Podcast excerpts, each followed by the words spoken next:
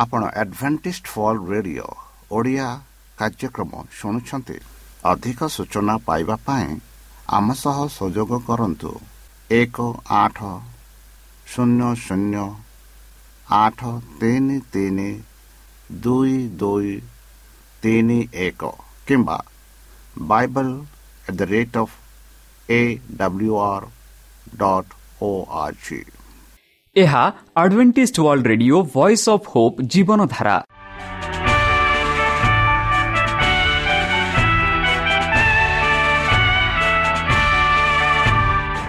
Odia radio କାର୍ଯ୍ୟକ୍ରମ ଯାହା ଆମର ଆନ୍ତର୍ଜାତୀୟ ଆଘାତ କେନ୍ଦ୍ରରୁ ପ୍ରସାରଣ କରାଯାଉଛି ପ୍ରତିଦିନ ରାତି ନଅଟା ତିରିଶ ମିନିଟ୍ରେ। ମୁଁ ସୁବ୍ରତ କୁମାର ପତି ପ୍ରେମର ସହ ଆପଣମାନଙ୍କୁ ଏହି କାର୍ଯ୍ୟକ୍ରମକୁ ସ୍ୱାଗତ କରୁଅଛି। ଚାଲନ୍ତୁ ଆଜିର ତିରିଶ ମିନିଟ୍ର କାର୍ଯ୍ୟକ୍ରମ ବିଷୟରେ ଜାଣିନେବା। ପ୍ରଥମେ ରଖିଛୁ ଆଧ୍ୟାତ୍ମିକ ଭକ୍ତିମୟ ଗୀତ। ଏହାପରେ ଶୁଣିବା ସ୍ୱାସ୍ଥ୍ୟ ବିଷୟରେ ଭକ୍ତଙ୍କଠାରୁ ଜୀବନଦାୟକ ଈଶ୍ୱରଙ୍କ ବାକ୍ୟ। ପ୍ରିୟ ଶ୍ରୋତା ତାହେଲେ ଚାଲନ୍ତୁ ଶୁଣିବା ଏକ ଆଧ୍ୟାତ୍ମିକ ଭକ୍ତିମୟ ଗୀତ।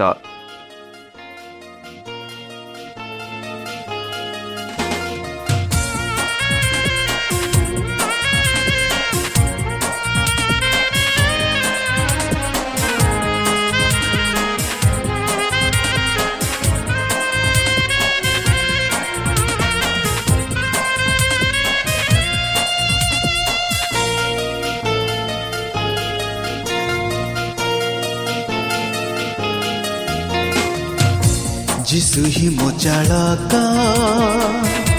ଅଟନ୍ତି ମୋ ରକ୍ଷକ। ଯିଶୁ ହିଁ ମୋ ଚାଳକ। ଅଟନ୍ତି ମୋ ରକ୍ଷକ। ଚିର ସାଥୀ ହୋଇ ଜୀବନେ ବନ୍ଧୁ ମୋର। ଯିଶୁ ହିଁ ମୋ ଚାଳକ। ଅଟନ୍ତି ମୋ ରକ୍ଷକ। চির সাথী হই। জীবনে বন্ধু মোর চির সাথী হই। জীবনে বন্ধু মোর।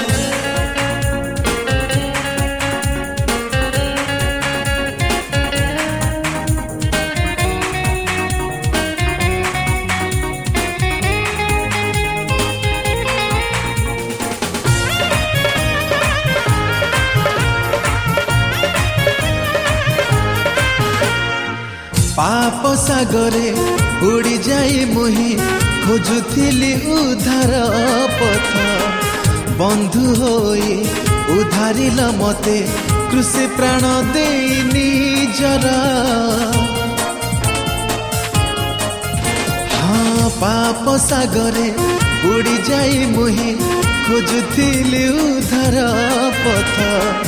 ବନ୍ଧୁ ହୋଇ ଉଦ୍ଧାରିଲ ମତେ କୃଷି ପ୍ରାଣ ଦେଇ ନିଜର ଅଭୁଲା ପ୍ରେମ ଯେ ତୁମ ଭୋଜୁଥିବି ସାରା ଜୀବନ ଅଭୁଲା ପ୍ରେମ ଯେ ତୁମ ଭୋଜୁଥିବି ସାରା ଜୀବନ ଯିଶୁ ହିଁ ମୋ ଚାଳକ ଅଟନ୍ତି ମୋ ରକ୍ଷକ চির সাথী হই জীবনে বন্ধু মোর চির সাথী হই। জীবনে বন্ধু মোর।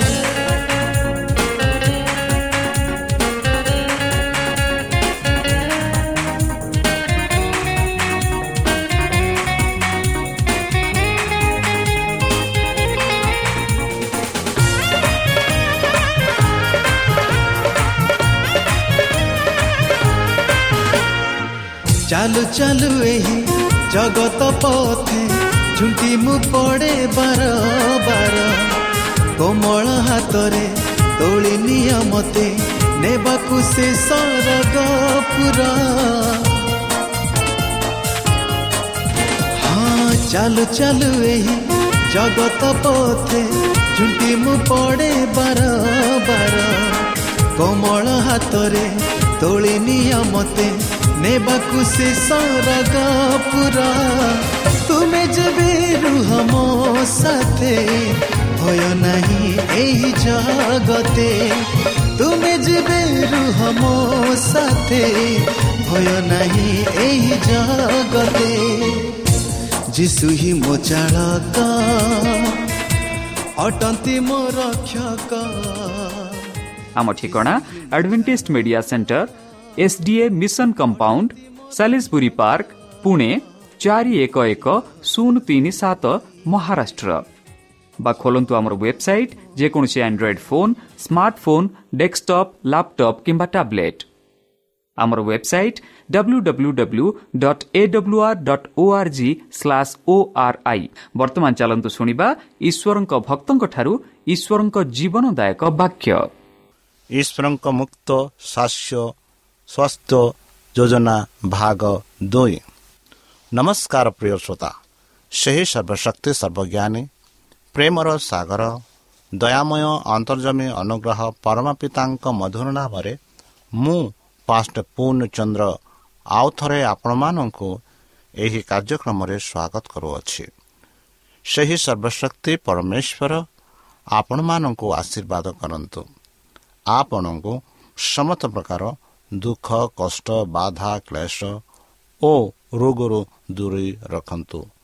ତାହାଙ୍କ ପ୍ରେମ ତାହାଙ୍କ ସ୍ନେହ ତାହାଙ୍କ କୃପା ତାହାଙ୍କ ଅନୁଗ୍ରହ ସଦାସର୍ବଦା ଆପଣଙ୍କଠାରେ ସହବର୍ତ୍ତୀ ରହୁ। ପ୍ରିୟସତା ଚାଲନ୍ତୁ। ଆଜି ଆମ୍ଭେମାନେ କିଛି ସମୟ ପବିତ୍ର ଶାସ୍ତ୍ର ବାଇବଲଠୁ ତାହାଙ୍କ ଜୀବନଦାୟକ ବାକ୍ୟ ଧ୍ୟାନ କରିବା। ଆଜିର ଆଲୋଚନା ହେଉଛି ଈଶ୍ୱରଙ୍କ ମୁକ୍ତ ସ୍ୱାସ୍ଥ୍ୟ ଯୋଜନା ଭାଗ ଦୁଇ। ବନ୍ଧୁ ଯେପରି ଗତକାଲି ଆମେ ଆଲୋଚନା କରିଥିଲୁ ଏହି ଯୋଜନାର ଭାଗ ଏକ।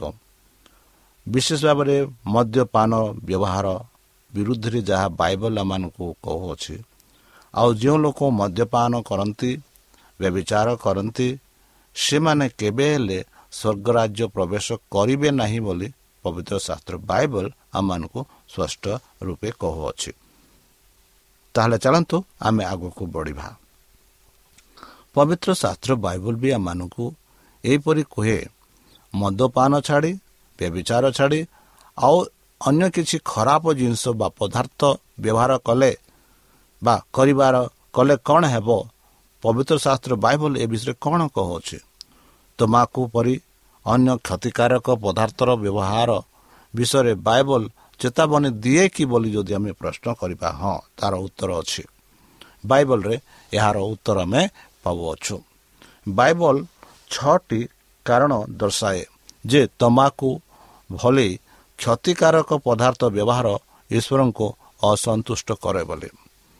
ତମାକୁ ଯାହାକି ଅଧିକାଂଶ ତମାକୁ ଲୋକେ ଖାଆନ୍ତି ବେଳେ ବେଳେ ପିଲାମାନେ ଖାଆନ୍ତି ବୟସ୍କ ଲୋକମାନେ ଖାଆନ୍ତି ଖାଆନ୍ତି ଯୌବନ ଲୋକମାନେ ବି ଖାଆନ୍ତି। ହେଲେ ଏହା ଖାଇବା ଦ୍ୱାରା ପରମେଶ୍ୱରଙ୍କୁ ସେମାନେ ଅସନ୍ତୁଷ୍ଟ କରୁଛନ୍ତି ବୋଲି ପବିତ୍ର ଶାସ୍ତ୍ର ବାଇବଲ କହୁଅଛି କ୍ଷତିକାରକ ପଦାର୍ଥର ବ୍ୟବହାର ସ୍ୱାସ୍ଥ୍ୟକୁ କ୍ଷତି ପହଞ୍ଚାଇଥାଏ ଏବଂ ଶରୀରକୁ ଅପବିତ୍ରତା କରିଥାଏ। ଯେପରି ପ୍ରଥମ କରନ୍ତି ତିନି ଷୋହଳ ସତରରେ ସାଧୁ ପାଉଲ ସେ କହନ୍ତି ଏହିପରି କି ତୁମେ ତୁମେ ଜାଣିନାହ କି ତୁମର ଶରୀର ହେଉଛି ଈଶ୍ୱରଙ୍କର ମନ୍ଦିର ଈଶ୍ୱରଙ୍କର ବାସସ୍ଥାନ। ଆଉ ସେହି ବାସସ୍ଥାନକୁ ଯେ କେହି ସେହି ଈଶ୍ୱରଙ୍କ ମନ୍ଦିରକୁ ଯେ କେହି ଅପବିତ୍ର କରେ ତେବେ ସେ ଈଶ୍ୱର ତାକୁ ବିନାଶ କରିବେ ବୋଲି ପବିତ୍ର ଶାସ୍ତ୍ର ବାଇବଲ କହୁଛି। କାରଣ ଈଶ୍ୱରଙ୍କ ମନ୍ଦିର ପବିତ୍ର ତୁମେ କେଉଁ ମନ୍ଦିରରେ ରହିଅଛ ସେହି ମନ୍ଦିର ବୋଲି ପବିତ୍ର ବୋଲି ପବିତ୍ର ଶାସ୍ତ୍ର ବାଇବଲ ଆମମାନଙ୍କୁ କହୁଅଛି। ଆମ ଯେଉଁ ଶରୀରକୁ ଗଢ଼ିଛନ୍ତି ଏହି ଶରୀର ହେଉଛି ଈଶ୍ୱରଙ୍କର ମନ୍ଦିର ବୋଲି ପବିତ୍ର ଶାସ୍ତ୍ର ବାଇବଲ କହୁଅଛି। ଆଉ ଏଇ ଯେଉଁ ପବିତ୍ର ଶରୀରକୁ ଏଇ ଯେଉଁ ପବିତ୍ର ମନ୍ଦିରକୁ ଯଦି ଆମେ ଏଇ ଯେଉଁ ତମ୍ବାକୁ ଦ୍ୱାରା ମଦ୍ୟ ଦ୍ୱାରା ବ୍ୟବିଚାର ଦ୍ୱାରା ଯଦି ଆମେ ଖରାପ କରିବା ତାହେଲେ ଏଇ ଖରାପ ଜିନିଷରେ କେବେ ହେଲେ ପରମେଶ୍ୱର ବାସ କରନ୍ତି ନାହିଁ ଆଉ ତାକୁ ବିନଷ୍ଟ କରିଦିଅନ୍ତି ବୋଲି ଆମେ ଦେଖୁଅଛୁ। ନକିଟିନ୍ ନିକୋଟିନ୍ ହେଉଛି ଏକ ନିଶା ପଦାର୍ଥ ଯାହା ଲୋକକୁ ଦାସ କରିଥାଏ। ରୋମିଓ ଛଅ ଷୋହଳ ହୁଏ ଯେ ଆମ ନିଜକୁ କିମ୍ବା ଯାହା ବି ହେଉ ସେବକ ହୋଇଥାଉ। ତମାକୁ ବ୍ୟବହାରକାରୀମାନଙ୍କୁ ନିକୋଟିନ୍ର ଦାସ ଅଟନ୍ତି ବୋଲି କହୁଅଛି। ଯୀଶୁ କହିଥିଲେ ତୁମେ ତୁମର ପରମେଶ୍ୱରଙ୍କୁ ଉପସାନ କର ଏବଂ କେବଳ ତୁମେ ତାହାଙ୍କ ସେବା କରିବ। ଆଜିକାଲି ଆମେ ଦେଖୁଅଛୁ ବହୁତ ଯୌବନ ବିଶେଷ ଭାବରେ ଯୌବନ ବୟସ୍କମାନଙ୍କଠାରେ ଏହା ଘଟିଅଛି କି ନିକୋଟିନ୍ ବ୍ୟବହାର କରନ୍ତି ତମ୍ବାକୁ ବ୍ୟବହାର କରନ୍ତି। ମାତ୍ର ପରମେଶ୍ୱର କହିଛନ୍ତି କି ଏଇ ଯେଉଁ ନିକୋଟିନ୍ ଦ୍ୱାରା ତମ୍ବାକୁ ଦ୍ୱାରା ତୁମ ଶରୀରକୁ ଅପବିତ୍ର ନ କରନ୍ତୁ। ଯେହେତୁ ଏହା କରିବା ଦ୍ୱାରା ତୁମେ ନିକୋଟିନ୍ ଆଉ ତମ୍ବାକୁର ତାଙ୍କୁ ପ୍ରଭୁ ବୋଲି ତୁମେ ମାନୁଅଛ। ମାତ୍ର ପବିତ୍ର ଶାସ୍ତ୍ର ଆଉ ଯୀଶୁ ବି କହିଲେ ତୁମେ ତୁମର ପରମେଶ୍ୱରଙ୍କୁ ଉପାସନ କର। ତାଙ୍କୁ ପ୍ରାର୍ଥନା କର ବୋଲି କହୁଛୁ। ସେହିଭଳି ମାଥ୍ୟୁ ତାର ଚାରି ଦଶରେ ବି ଆମେ ପାଉଛୁ କି ତାଙ୍କର ହିଁ ସେବା କର। କାହାର ପରମେଶ୍ୱରଙ୍କର ସେବା କର। ତମାକୁ ଅଭ୍ୟାସ ଅସୁଚି ଅଟେ ବନ୍ଧୁ।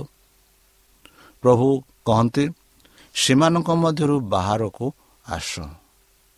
ତମାକୁ ନକଟିନ୍ ମାନଙ୍କ ମଧ୍ୟରୁ ଅଲଗା ହୁଅ ବୋଲି ଯୀଶୁ କହୁଛନ୍ତି ପ୍ରଭୁ କହୁଛନ୍ତି। ଯେହେତୁ ଏସବୁ ଅସୁଚି ବିଷୟ ସେଇ ଯେଉଁ ଅସୁଚି ବିଷୟକୁ ସ୍ପର୍ଶ କର ନାହିଁ ବୋଲି ପରମେଶ୍ୱର କହୁଛନ୍ତି। ଆଉ ସେ କହନ୍ତି ମୁଁ ତୁମକୁ ଗ୍ରହଣ କରିବି ଯେବେ ତୁମେ ଏହି ଅସୁଚି ଗୁଡ଼ିକ ଗୁଡ଼ିକକୁ ତୁମେ ଛାଡ଼ିଦେବ ତେବେ ମୁଁ ଗ୍ରହଣ କରିବି ବୋଲି କହୁଛି। କୌଣସି ରୂପରେ ତୁମାକୁ ବ୍ୟବହାର କରୁଥିବା କୃଷ୍ଣଙ୍କ ବିଷୟରେ ଭାବିବା କୌତୁଲିଆ ନୁହେଁ କି ବନ୍ଧୁ? ଟିକିଏ ଭାବି ଦେଖନ୍ତୁ କୌଣସି ରୂପରେ ଯଦି ଆପଣ ତମ୍ବାକୁ ବ୍ୟବହାର କରୁଛନ୍ତି ଆଉ ଈଶ୍ୱରଙ୍କୁ ପୂଜା କରୁଛନ୍ତି କ'ଣ ଖ୍ରୀଷ୍ଟଙ୍କ ବିଷୟରେ ଭାବିବା ଏକ କୌତୁଲିଆ ନୁହେଁ କି? ବନ୍ଧୁ କ୍ଷତିକାରକ ପଦାର୍ଥର ବ୍ୟବହାର ଅର୍ଥ ନଷ୍ଟ କରେ ରୁଟି ନଥିବା ଜିନିଷ ପାଇଁ ତୁମେ କାହିଁକି ଟଙ୍କା ଖର୍ଚ୍ଚ କରୁଛ ଏହିପରି ବିଷୟ ପାଞ୍ଚ ପଞ୍ଚାବନ ବାର ବେଳେ ବେଳେ ଲୋକେ ରୁଟି ନ ଖାଆନ୍ତି ଭାତ ନ ଖାଆନ୍ତି କିଛି ନ ଖାଆନ୍ତି ମାତ୍ର ବେଳେ ବେଳେ ସେମାନେ ତମ୍ବାକୁ ନଥିଲେ ମଦ ନଥିଲେ ରହିପାରନ୍ତି ନାହିଁ ମାତ୍ର ପବିତ୍ର ଶାସ୍ତ୍ର ବାଇବଲ ମାନଙ୍କୁ ସ୍ପଷ୍ଟ ରୂପେ କହୁଅଛି କି ରୁଟି ନଥିବା ଜିନିଷ ପାଇଁ ତୁମେ କାହିଁକି ଟଙ୍କା ଖର୍ଚ୍ଚ କରୁଛ? ବନ୍ଧୁ ଟଙ୍କା ଖର୍ଚ୍ଚ କରୁଛ ତାକୁ ଖର୍ଚ୍ଚ କରନି ବୋଲି ଆମେ ଦେଖୁଅଛୁ।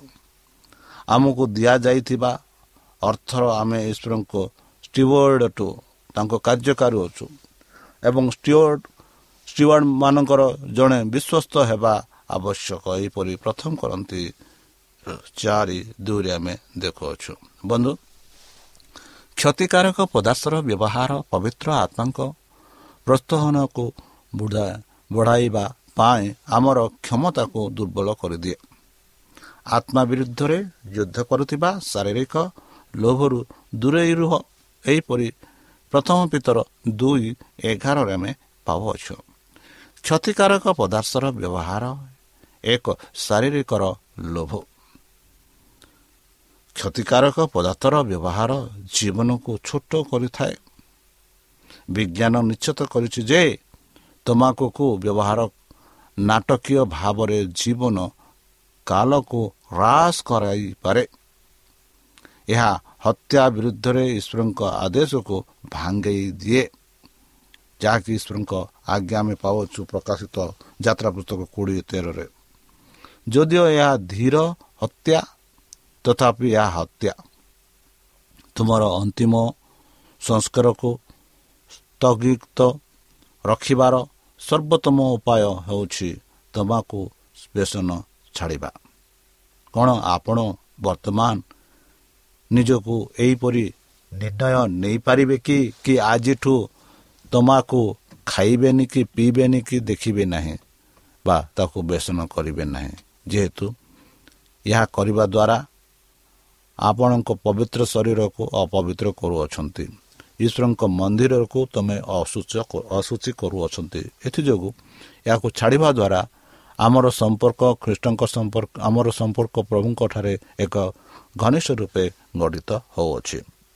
ତାହେଲେ ବାଇବଲରେ ମିଳିଥିବା କେତେକ ସରଳ ତଥାପି ଗୁରୁତ୍ୱପୂର୍ଣ୍ଣ ସ୍ୱାସ୍ଥ୍ୟ ନିୟମ ଗୁଡ଼ିକ କ'ଣ? ଯଦି ଆମେ ଏଠି ଆମେ ପ୍ରାୟ ଏଗାରଟି ସ୍ୱାସ୍ଥ୍ୟ ନୀତି ଦେଖୁଅଛୁ। ପ୍ରଥମ ହେଉଛି ନିର୍ମିଳିତ ସାଧନ ତୁମର ଭୋଜନ ଖାଅ ଏବଂ ପଶୁ ଚର୍ବି କିମ୍ବା ରକ୍ତ ବ୍ୟବହାର କର ନାହିଁ। ଠିକ୍ ସମୟରେ ଭୋଜନ କର। ଏହିପରି ଉପଦେଶ ଦଶ ସତରରେ ଆମେ ପାଉଛୁ। ଏହା ଏକ ଚିରସ୍ଥାୟୀ ନିୟମ ହେବ ବନ୍ଧୁ। ତୁମେ ଚର୍ବି କିମ୍ବା ରକ୍ତ ଖାଇବ ନାହିଁ। ଯାହା ପବିତ୍ର ଶାସ୍ତ୍ର ବାଇବଲରେ ଲେଖାଯାଇଛି ଲିବ୍ୟ ପୁସ୍ତକ ତିନି ସତରରେ କି ଚର୍ବି? ଆଜିକାଲି ଯେତେବେଳେ ଲୋକ ମାଂସ ଖାଆନ୍ତି ବା କୁକୁଡ଼ା ଖାଆନ୍ତି ବା ଯାହା ମାଂସିକା ଜିନିଷ ଯୋଡ଼ା ମାଂସ ଜିନିଷ ଖାଆନ୍ତି ସେଇ ମାଂସ ଜିନିଷ ଯଦି ତାର ଅଧିକ ଚର୍ବି ଥିବ ତାର ରୁଚି ବି ଅଲଗା ଥାଏ। ଆଉ ଲୋକେ ସେ ରୁଚି ଯୋଗୁଁ ଚର୍ବି ଯାହା ଆମେ ଚର୍ବି ଚର୍ବି ଯୋଗୁଁ ରୁଚି ଅଲଗା ଥାଏ ସେ ରୁଚି ପାଇଁ ଚର୍ବି ବି ସେମାନେ ବ୍ୟବହାର କରିଥାନ୍ତି। ଏକ ଦୁଇ ପବିତ୍ର ଶାସ୍ତ୍ର ବାଇବଲ ବି ଆମମାନଙ୍କୁ କହୁଅଛି କି ରକ୍ତ ଖାଇବ ନାହିଁ। ଯେହେତୁ ରକ୍ତରେ ଜୀବନ ଅଛି ଆଉ ଜୀବନକୁ କେବେ ପରମେଶ୍ୱର ଜୀବନ ପ୍ରଦାନ କରୁଛନ୍ତି। ଆଉ ସେ ଯୋଗୁଁ ରକ୍ତ ଖାଇବନି ବୋଲି କହୁଛି। ରକ୍ତ ଖାଇବା ଦ୍ୱାରା ମଧ୍ୟ ଆମେ ଅସୁଚି କହୁଛୁ ଆଉ ଯେଉଁ ମାଂସ ରକ୍ତ ସହ ରାନ୍ଧିବେ ବା ପ୍ରସ୍ତୁତ କରିବେ ସେଇ ମାଂସର ରୁଚି ଭିନ୍ନ ଥାଏ। ଆଉ ଯେଉଁ ମାଂସ ବିନା ରକ୍ତରେ ସଫା କରାଯାଏ ଆଉ ତାକୁ ରନ୍ଧାଯାଏ ତା ରୁଚି ଭିନ୍ନ ଥାଏ ଆପଣମାନେ ଯେଉଁ ଲୋକମାନେ ମାଂସ ଖାଉଛନ୍ତି ଆପଣ ତାର ଅନୁଭବ କରୁଥିବେ ଯେପରିକି ଲେବିய ପୁସ୍ତକ ତିନି ଷୋହଳରେ ଆମକୁ ଏହିପରି କହୁଅଛି ବିଜ୍ଞାନ ନିଶ୍ଚିତ କରିଛି ଯେ ଅଧିକାଂଶ ହୃଦଘାତ ଉଚ୍ଚ କୋଷ୍ଟ୍ରୋଲ ହୋଇଥାଏ ଏବଂ ଉଚ୍ଚ ସ୍ତରର କୋଷ୍ଟ୍ରୋଲ ପାଇଁ ଚର୍ବିର ବ୍ୟବହାର ମୁଖ୍ୟତଃ ଦାୟୀ ବୋଲି ଆମେ ପାଉଅଛୁ। ଦେଖାଯାଏ ଯେ ପ୍ରଭୁ ଜାଣନ୍ତି ଯେ ସେ ସବୁ ବିଷୟରେ କ'ଣ କହୁଛନ୍ତି ତାହା ନୁହେଁ କି? ବନ୍ଧୁ ଅଧ୍ୟତିକ ଭୋଜନ କର ନାହିଁ ମାନେ ଯାହା ଆବଶ୍ୟକ ତାହା ହିଁ ବ୍ୟବହାର କର। ଯଦି ତୁମେ ଭୋକରେ ଜଣେ ବ୍ୟକ୍ତି ତେବେ ତୁମର ଗଳାରେ ଚୁରି ରଖ ବୋଲି ପବିତ୍ର ଶାସ୍ତ୍ର ବାଇବଲ ହିତପଦେଶ ତେଇଶ ଦୁଇରେ ଆମେ ଦେଖାଉଛୁ।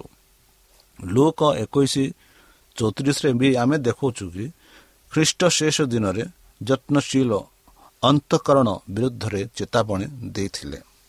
ଅଧ୍ୟତିକ ଖାଇବା ଅନେକ ପ୍ରକାରର ରୋଗ ପାଇଁ ଦାୟୀ ବୋଲି ପବିତ୍ର ଶାସ୍ତ୍ର ବାଇବଲ ଆମମାନଙ୍କୁ କହୁଅଛି। ଈର୍ଷା ପ୍ରଣାୟଣ ହୁଅନ୍ତୁ ନାହିଁ। କିମ୍ବା କ୍ରୋଧ ରଖନ୍ତୁ ନାହିଁ ଏହି ପ୍ରକାର ପାପପୂର୍ଣ୍ଣ ଭାବନା ପ୍ରକୃତରେ ଶରୀର ପ୍ରକ୍ରିୟାକୁ ବାଧା ଦେଇଥାଏ ବାଇବଲ କୁହେ ଯେ ଈର୍ଷା ହେଉଛି ହାଡ଼ ଗୁଡ଼ିକର କ୍ଷୟ ହିତପଦେଶ ଚଉଦ ଚଉତିରିଶ ଖ୍ରୀଷ୍ଟ ଆମକୁ ଆଦେଶ ବା ଆଜ୍ଞା ମଧ୍ୟ ଦେଇଛନ୍ତି ଯେ ଅନ୍ୟମାନେ ଆମ ବିରୁଦ୍ଧରେ ରହିପାରନ୍ତି। ଏହିପରି ମାଥିଉ ତାର ପାଞ୍ଚ ତେଇଶ ଚବିଶରେ ଆମେ ଦେଖୁଛୁ। ଏକ ଖୁସି ଖୁସି ମନୋଭାବ ବଜାୟ ରଖନ୍ତୁ। ଯେତେ ଲୋକ ଏକ ଖୁସି ଖୁସି ମନୋଭାବ ବଜାୟ ରଖନ୍ତି ସେମାନଙ୍କ ସ୍ୱାସ୍ଥ୍ୟ ଭଲ ଥାଏ। ଏକ ଆନନ୍ଦ ହୃଦୟ ଔଷଧ ପରି ଭଲ କରେ ବୋଲି ହିତପଦେଶ ସତର ବାଇଶରେ ଆମେ ପାଉଅଛୁ। ସେ ଯେପରି ନିଜ ହୃଦୟରେ ଭାବନ୍ତି ସେ ମଧ୍ୟ ସେହିପରି ହିତପଦେଶ ତେଇଶ ସାତରେ କହନ୍ତି ଯଦି ଯେପରି ତାର ଭାବନା ତାଙ୍କ ଭାବନା ପରି ସେହିପରି ଥାଏ ବୋଲି ହିତପଦେଶରେ ଆମେ ପାଉଅଛୁ। ବନ୍ଧୁ ଅନେକ ରୋଗ ଯେଉଁଥିରୁ ଲୋକମାନେ ଭୋକୁଛନ୍ତି ଉଦାସୀନତାର ଫଳାଫଳ ହେଉଛନ୍ତି ବନ୍ଧୁ ଏହା ଏକ ଖୁସି ମନୋର ଭାବ ସ୍ୱାସ୍ଥ୍ୟ ପ୍ରଦାନ କରେ। ଏବଂ ଜୀବନ ବଢ଼ାଇଥାଏ। ପ୍ରଭୁଙ୍କ ଉପରେ ସମ୍ପୂର୍ଣ୍ଣ ଭରସା ରଖ। ପ୍ରଭୁଙ୍କ ଭୟ ଜୀବନକୁ ବାଟ ବଢ଼ାଇବା ଥାଏ ଏବଂ ଯେଉଁ ଲୋକ ତାହା କରେ ସେ ସନ୍ତୁଷ୍ଟ ହୋଇବ। ଏହିପରି ଇତପଦେଶ ତାର ଅନିଶି ତେଇଶରେ ଆମେ ଦେଖୁଅଛୁ। ପ୍ରଭୁଙ୍କ ଉପରେ ଭରସା ସ୍ୱାସ୍ଥ୍ୟ ଏବଂ ଜୀବନ ମଜବୁତ କରେ। ଯେପରିକି ହିତପଦେଶ ଚାରି କୋଡ଼ିଏ ବାଇଶ କହୁଅଛି ହେ ମୋର ପୁତ୍ର ମୋର ବାକ୍ୟ ପ୍ରତି ଧ୍ୟାନ ଦିଅ। କାରଣ ସେମାନେ ସେମାନଙ୍କୁ ଖୋଜୁଥିବା ଜୀବନ ଏବଂ ସେମାନଙ୍କର ସମସ୍ତ ଶରୀର ପାଇଁ ସ୍ୱାସ୍ଥ୍ୟ ବନ୍ଧୁ ଈଶ୍ୱରଙ୍କ ଆଜ୍ଞା ମାନିବା ଏବଂ ତାଙ୍କ ଉପରେ ସମ୍ପୂର୍ଣ୍ଣ ଭରସା କରିବା ଦ୍ୱାରା ଏକ ସ୍ୱାସ୍ଥ୍ୟ ଜୀବନ ଆମେ ଉପଲବ୍ଧ କରିଥାଉ। ବନ୍ଧୁ ଶୋଇବା ଏବଂ ବିଶ୍ରାମ ସହିତ କାର୍ଯ୍ୟ ଏବଂ ବ୍ୟାୟାମକୁ ସନ୍ତୁଳିତ କରନ୍ତୁ।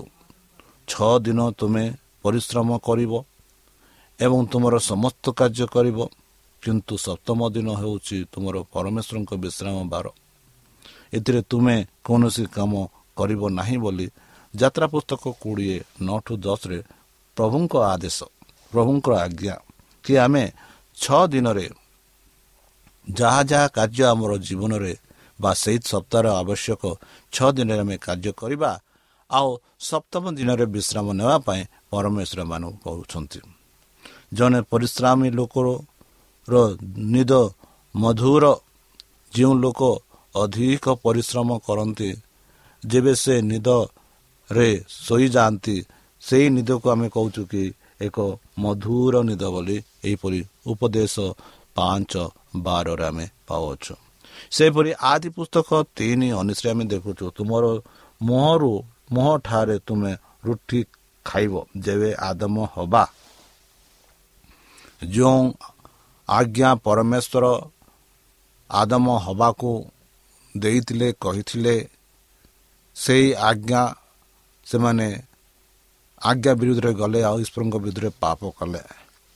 ଯେବେ ସେମାନେ ପାପ କଲେ ପରମେଶ୍ୱର କହିଲେ କି ତୁମେ ତୁମ ମୁହଁର ଝାଲ ଦେଇ ଯେବେ କାର୍ଯ୍ୟ କରିବ କଷ୍ଟ କରିବ ପରିଶ୍ରମ କରିବ ସେତେବେଳେ ତୁମେ ରୁଟି ଖାଇବ ବୋଲି ପରମେଶ୍ୱର କହିଥିଲେ। ସେପରି ଗୀତ ସଙ୍ଗୀତ ତାର ଏକଶହ ଛବିଶ ସତେଇଶ ଦୁଇରେ ଆମେ ପାଉଛୁ ଶୀଘ୍ର ଉଠିବା ବିଳମ୍ବରେ ବସିବା ତୁମର ବୃଥା। ଆଜିକାଲି ପରମେଶ୍ୱର ଆମମାନଙ୍କୁ ଚବିଶ ଘଣ୍ଟା ଦେଇଛନ୍ତି ଦିନରେ। ଲୋକେ ପ୍ରାୟ ଦିନ ସାରା କାମ କରନ୍ତି ରାତି ସାରା କାମ କରନ୍ତି ଅଳ୍ପ ସମୟ ସେମାନେ ବିଶ୍ରାମ ନେଇଥାନ୍ତି। ମାତ୍ର ପବିତ୍ର ବାଇବଲ କହୁଛି କି ଶୀଘ୍ର ଉଠିବା ଆଉ ଶୀଘ୍ର ନିଦ୍ରା ନେବା ଯେଉଁଥିରେ କି ଆମେ ସ୍ୱାସ୍ଥ୍ୟ ଜୀବନ ଅନୁଭବ କରିପାରିବା। ମନୁଷ୍ୟର ସମସ୍ତ ପରିଶ୍ରମ ପାଇଁ ଏବଂ ସୂର୍ଯ୍ୟ ତଳେ ପରିଶ୍ରମ କରୁଥିବା ହୃଦୟର ପ୍ରାୟ ପାଇଁ କ'ଣ ଅଛି? ରାତିରେ ମଧ୍ୟ ତାଙ୍କ ହୃଦୟ ବିଶ୍ରାମ ନେଇ ନଥାଏ। ଏହା ମନ ଆଶାର ଅଟେ ବୋଲି ଉପଦେଶ ଦୁଇ ବାଇଶ ତେଇଶରେ ଆମେ ଦେଖୁଛୁ। ବନ୍ଧୁ ମୁଁ ଯେପରି ଏହା ପୂର୍ବରେ ଆପଣମାନଙ୍କୁ କହିସାରିଛି କି ଏମିତି ଲୋକ ଅଛନ୍ତି ଯେଉଁମାନେ କି ଚବିଶ ଘଣ୍ଟାରେ ପ୍ରାୟ କୋଡ଼ିଏ ଘଣ୍ଟା କାମ କରିଥାନ୍ତି। ଆଉ ଚାରି ଘଣ୍ଟା ବିଶ୍ରାମ ନେଇଥାନ୍ତି। ଏଠି ପବିତ୍ର ଶାସ୍ତ୍ର ବାଇବଲରେ ଏମାନଙ୍କୁ ଏହିପରି ସ୍ପଷ୍ଟ ରୂପେ କହୁଛି କି ସୂର୍ଯ୍ୟ ତଳେ ପରିଶ୍ରମ କରିଥିବା ହୃଦୟର ପ୍ରାୟସ୍ତ ପାଇଁ କ'ଣ ଅଛି? କିଛି ନାହିଁ। ରାତିରେ ମଧ୍ୟ ତାଙ୍କ ହୃଦୟ ବିଶ୍ରାମ ନ ନେଇ ସେ ଯଦି କାର୍ଯ୍ୟ କରୁଛି ସେଥିରେ କ'ଣ ଅଛି? କିଛି ନାହିଁ। ଏହା ମଧ୍ୟ ଆଶାର ଅଟେ ବୋଲି ସେଇ ଯେଉଁ ବୈଜ୍ଞାନ ବୁଦ୍ଧିମାନ ରାଜା ସାନମନ କହନ୍ତି। ଉପଦେଶ ଦୁଇ ବାଇଶ ତେଇଶରେ ତାହେଲେ ଆମେ ଯେଉଁ ଶୋଇବା ସମୟ ନିଦ୍ରା ନେବା ସମୟ ଠିକ୍ ସମୟରେ ଶୋଇବା ଠିକ୍ ସମୟରେ ଉଠିବା ତେବେ ଆମର ସ୍ୱସ୍ଥ ଭଲ ଥିବ ଆପଣଙ୍କ ଶରୀରକୁ ସଫା ରଖନ୍ତୁ ପରିଷ୍କାର ହୁଅ ଯାହାକି ବିଷୟ ବାବନ ଏଗାରରେ ପରିଷ୍କାର ରହିବାର। ଆଜିକାଲି ଅଧିକାଂଶ ଲୋକ ନୁହନ୍ତି ମାତ୍ର ଅଧିକାଂଶ ଲୋକ ମଧ୍ୟ ଅଛନ୍ତି ଯେଉଁମାନେ ନିଜ କାର୍ଯ୍ୟର କାର୍ଯ୍ୟକଳାପର ବ୍ୟସ୍ତ ରହନ୍ତି ଆଉ ସେଥିଯୋଗୁଁ ନିଜକୁ ପରିଷ୍କାର କରନ୍ତି ନାହିଁ। ମୁଁ ଦେଖିଛି କେତେ ଲୋକଙ୍କୁ ସେମାନେ ତିନି ଚାରି ଦିନ ପର୍ଯ୍ୟନ୍ତ ପରିଷ୍କାର ନିଜକୁ କରନ୍ତି ବା ଗାଧାନ୍ତି ନାହିଁ। ବା ଲୁଗା ଯେଉଁ ଲୁଗାପଟା ସେ ପିନ୍ଧିଥାନ୍ତି ସେଇ ଲୁଗାପଟାକୁ ପ୍ରାୟ ସପ୍ତାହ ସପ୍ତାହ ଧରି ପିନ୍ଧିଥାନ୍ତି। ଆପଣା ଶରୀରକୁ ସଫା ରଖିବା ସଫାସୁତୁରା କପଡ଼ା ପିନ୍ଧିବା ହେଉଛି ଏକ ପରିଷ୍କାର ଜୀବନ। ହୋଇପାରେ ଆମେ ଗରିବ। ଗରିବ ହେଲେ ବି ଯାହା କିଛି ଅଛି ତାହାକୁ ଯଦି ଆମେ ସଫା କରି ପିନ୍ଧିବା ତାହେଲେ ତାଠୁ ଆଉ ଉତ୍ତମ ଆଉ କିଛି ନୁହଁ। ଆପଣଙ୍କ ଶରୀରକୁ ସଫା ରଖନ୍ତୁ। ପାଣିରେ ଟିକେ ଡୁବେଇବା ବା ଗାଧୋଇବା ଗାଧୋଇବା ଦ୍ୱାରା ଆମ ଶରୀରର ଯେତେ କୀଟାଣୁ ଅଛି ତାହା ଧୋଇ ହୋଇଯାଏ। ଆଉ ତାହାଦ୍ୱାରା ଆମ ଶରୀର ସଫା ରହିଥାଏ। ସବୁ ଜିନିଷର ସ୍ୱାଭାବିକ ରୁହ ପୁରସ୍କାର ପାଇଁ ପ୍ରତିଦ୍ୱନ୍ଦିତା କରୁଥିବା ପ୍ରତ୍ୟେକ ବ୍ୟକ୍ତି ସବୁ ଜିନିଷରେ ସ୍ୱାଭାବିକ ହୁଅ। ବନ୍ଧୁ ଏହା ଆଗକୁ ବଢ଼ିବା ପୂର୍ବେ ଚାଲନ୍ତୁ। ଆମେ ସେହି ସଦାପ୍ରଭୁ ପରମେଶ୍ୱରଙ୍କଠାରେ ଆମେ ସମର୍ପଣ କରି ତାଙ୍କ ମଧୁର ନାମେ ଆମେ ପ୍ରାର୍ଥନା କରିବା। ଏହାର ଶେଷ ଭାଗ ଆମେ କାଲିକୁ ଆଲୋଚନା କରିବା। ତାହେଲେ ଚାଲନ୍ତୁ ନିଜକୁ ସମର୍ପଣ କରି ତାହାଙ୍କ ମଧୁର ନାମେ ଆମେ ପ୍ରାର୍ଥନା କରିବା। ହେ ଆମ୍ଭମାନଙ୍କ ସର୍ବଶକ୍ତି ସର୍ବଜ୍ଞାନୀ ପ୍ରେମର ସାଗର ଦୟାମୟ ଅନ୍ତର୍ଜମୀ ଅନୁଗ୍ରହ ପରମ ପିତା।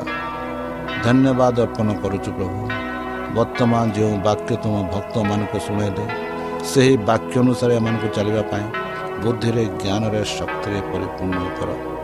ଆମ ପାପ ସବୁ ତୁମ ସେହି ବହୁମୂଲ୍ୟ ରକ୍ତରେ ପରିଷ୍କାର ରୂପେ ଧୋଇ ଆଉ ପରିଶେଷ ଯେବେ ତୁମେ ତୁମ ସେହି ସହସ୍ର ଦୂତଙ୍କ ସହ ଆସିବି ସେତେବେଳେ ଆମମାନଙ୍କୁ ଏକ ବାସସ୍ଥାନ ଦିଅ ବୋଲି ତ୍ରାଣକର୍ତ୍ତା ପ୍ରଭୁ ଯୀଶୁଙ୍କ ମଧୁରମୟ ନାମରେ ଏହି ଛୋଟ ବିକ୍ଷ ମାନୁଛି। ଶୁନି ଗ୍ରହଣ କର। ଆମେ ପ୍ରିୟ ଶ୍ରୋତା ଆମେ ଆଶା କରୁଛୁ ଯେ ଆମର କାର୍ଯ୍ୟକ୍ରମ ଆପଣମାନଙ୍କୁ ପସନ୍ଦ ଲାଗୁଥିବ। ଆପଣଙ୍କର ମତାମତ ଜଣାଇବା ପାଇଁ ଆମର ଏହି ଠିକଣାରେ ଯୋଗାଯୋଗ କରନ୍ତୁ ଆମ ଠିକଣା Adventist Media Centre SDA Mission Compound Salisbury Park Pune ଚାରି ଏକ ଏକ ଶୂନ ତିନି ସାତ ମହାରାଷ୍ଟ୍ର ବା ଖୋଲନ୍ତୁ ଆମର ୱେବସାଇଟ୍ ଯେକୌଣସି Android phone smartphone desktop laptop କିମ୍ବା ଟ୍ୟାବ୍ଲେଟ୍ ଆମର website W W W dot A W R dot O R G slash O R I ଏବଂ W W W dot Adventist Media Centre India dot O R G Adventist Media Centre ଇଣ୍ଡିଆର spelling ହେଉଛି A D V E N T I S T M E D I A C E N T R E I N D I A ଅଥବା download କରନ୍ତୁ ଆମର mobile app ଆପଣଙ୍କର mobile play ଷ୍ଟୋର୍କୁ ଯାଆନ୍ତୁ ଆଉ type କରନ୍ତୁ the Voice of Hope ଆଉ download କରନ୍ତୁ। ଈଶ୍ୱର ଆପଣଙ୍କୁ ଆଶୀର୍ବାଦ କରନ୍ତୁ।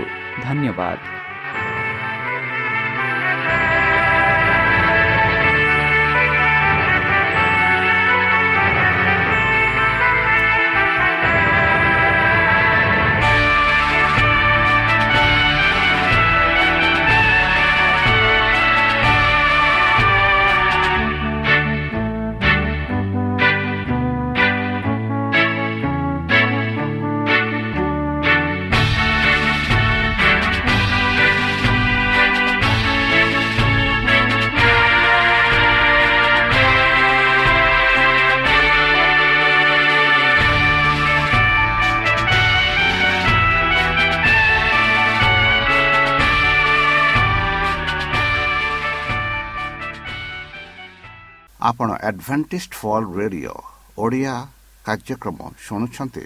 ଅଧିକ ସୂଚନା ପାଇବା ପାଇଁ ଆମ ସହ ସଂଯୋଗ କରନ୍ତୁ। ଏକ ଆଠ ଶୂନ୍ୟ ଶୂନ୍ୟ ଆଠ ତିନି ତିନି ଦୁଇ ଦୁଇ ତିନି ଏକ କିମ୍ବା Bible at the rate of A W R dot O R G